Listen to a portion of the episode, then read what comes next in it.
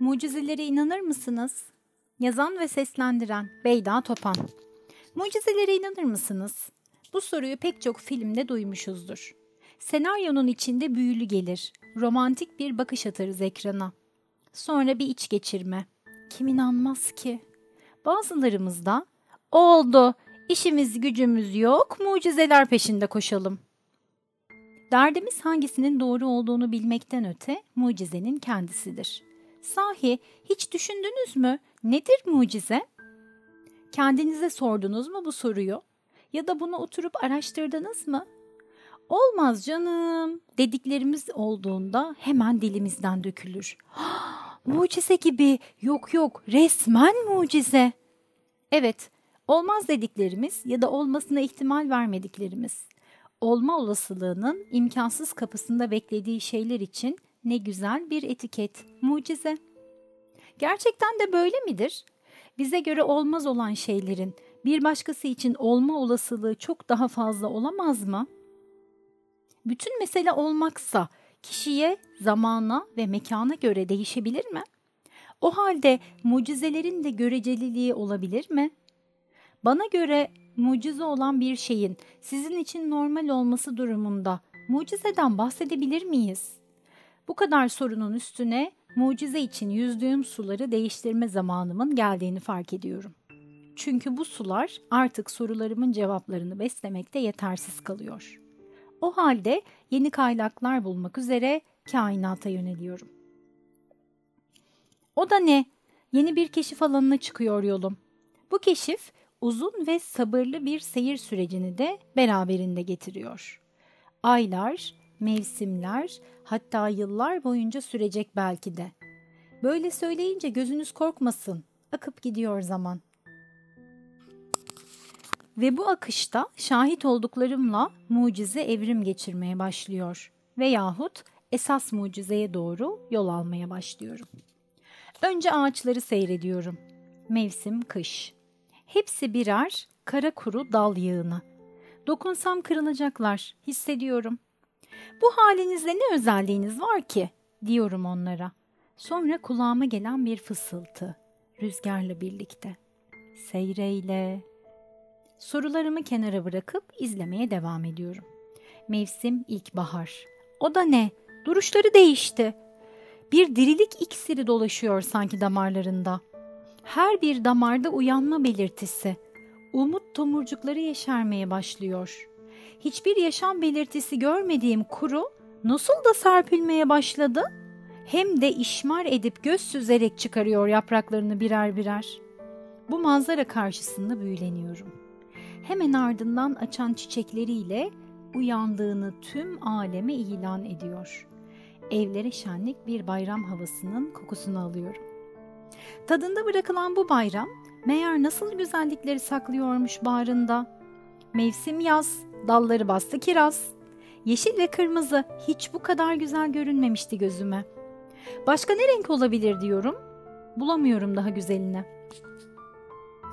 Kimileri şapırdatarak yerken kirazları, anneler kiraz reçeli derdinde. Küçük hanımların kiraz küpelerine anneannelerinin kurutmak için hazırladıkları kiraz sapları eşlik ediyor. Mevsim sonbahar. Uykuya dalma vakti yaklaşıyor. Kirazlar bitti. Yapraklar onlara gölgelik yapmaktan yorgun düşmüş gibiler. Biraz da biz dinlenelim diyorlar sanki. Yavaş yavaş renklerini sarartmaya başlıyorlar dala tutunma güçleri azalıyor ve büyük bir aşkla engin bir gönüle düşüveriyorlar. Ne mutlu o ebedi istirahatgaha huzurla varanlara. Toprakla buluşan yapraklar vazifelerini yerine getirmiş olmanın huzuruyla boylu boyunca uzanıyorlar. Şimdi onu ilk gördüğüm haline bürünmüş şekilde karşımda duruyor. Artık ona ilk baktığım gibi bakmıyorum içinde sakladığı mucizeye şahitlik etmiş olmanın verdiği hayretle izliyorum her bir zerresini. Senin adın Umut olsun diye fısıldıyorum kulağına.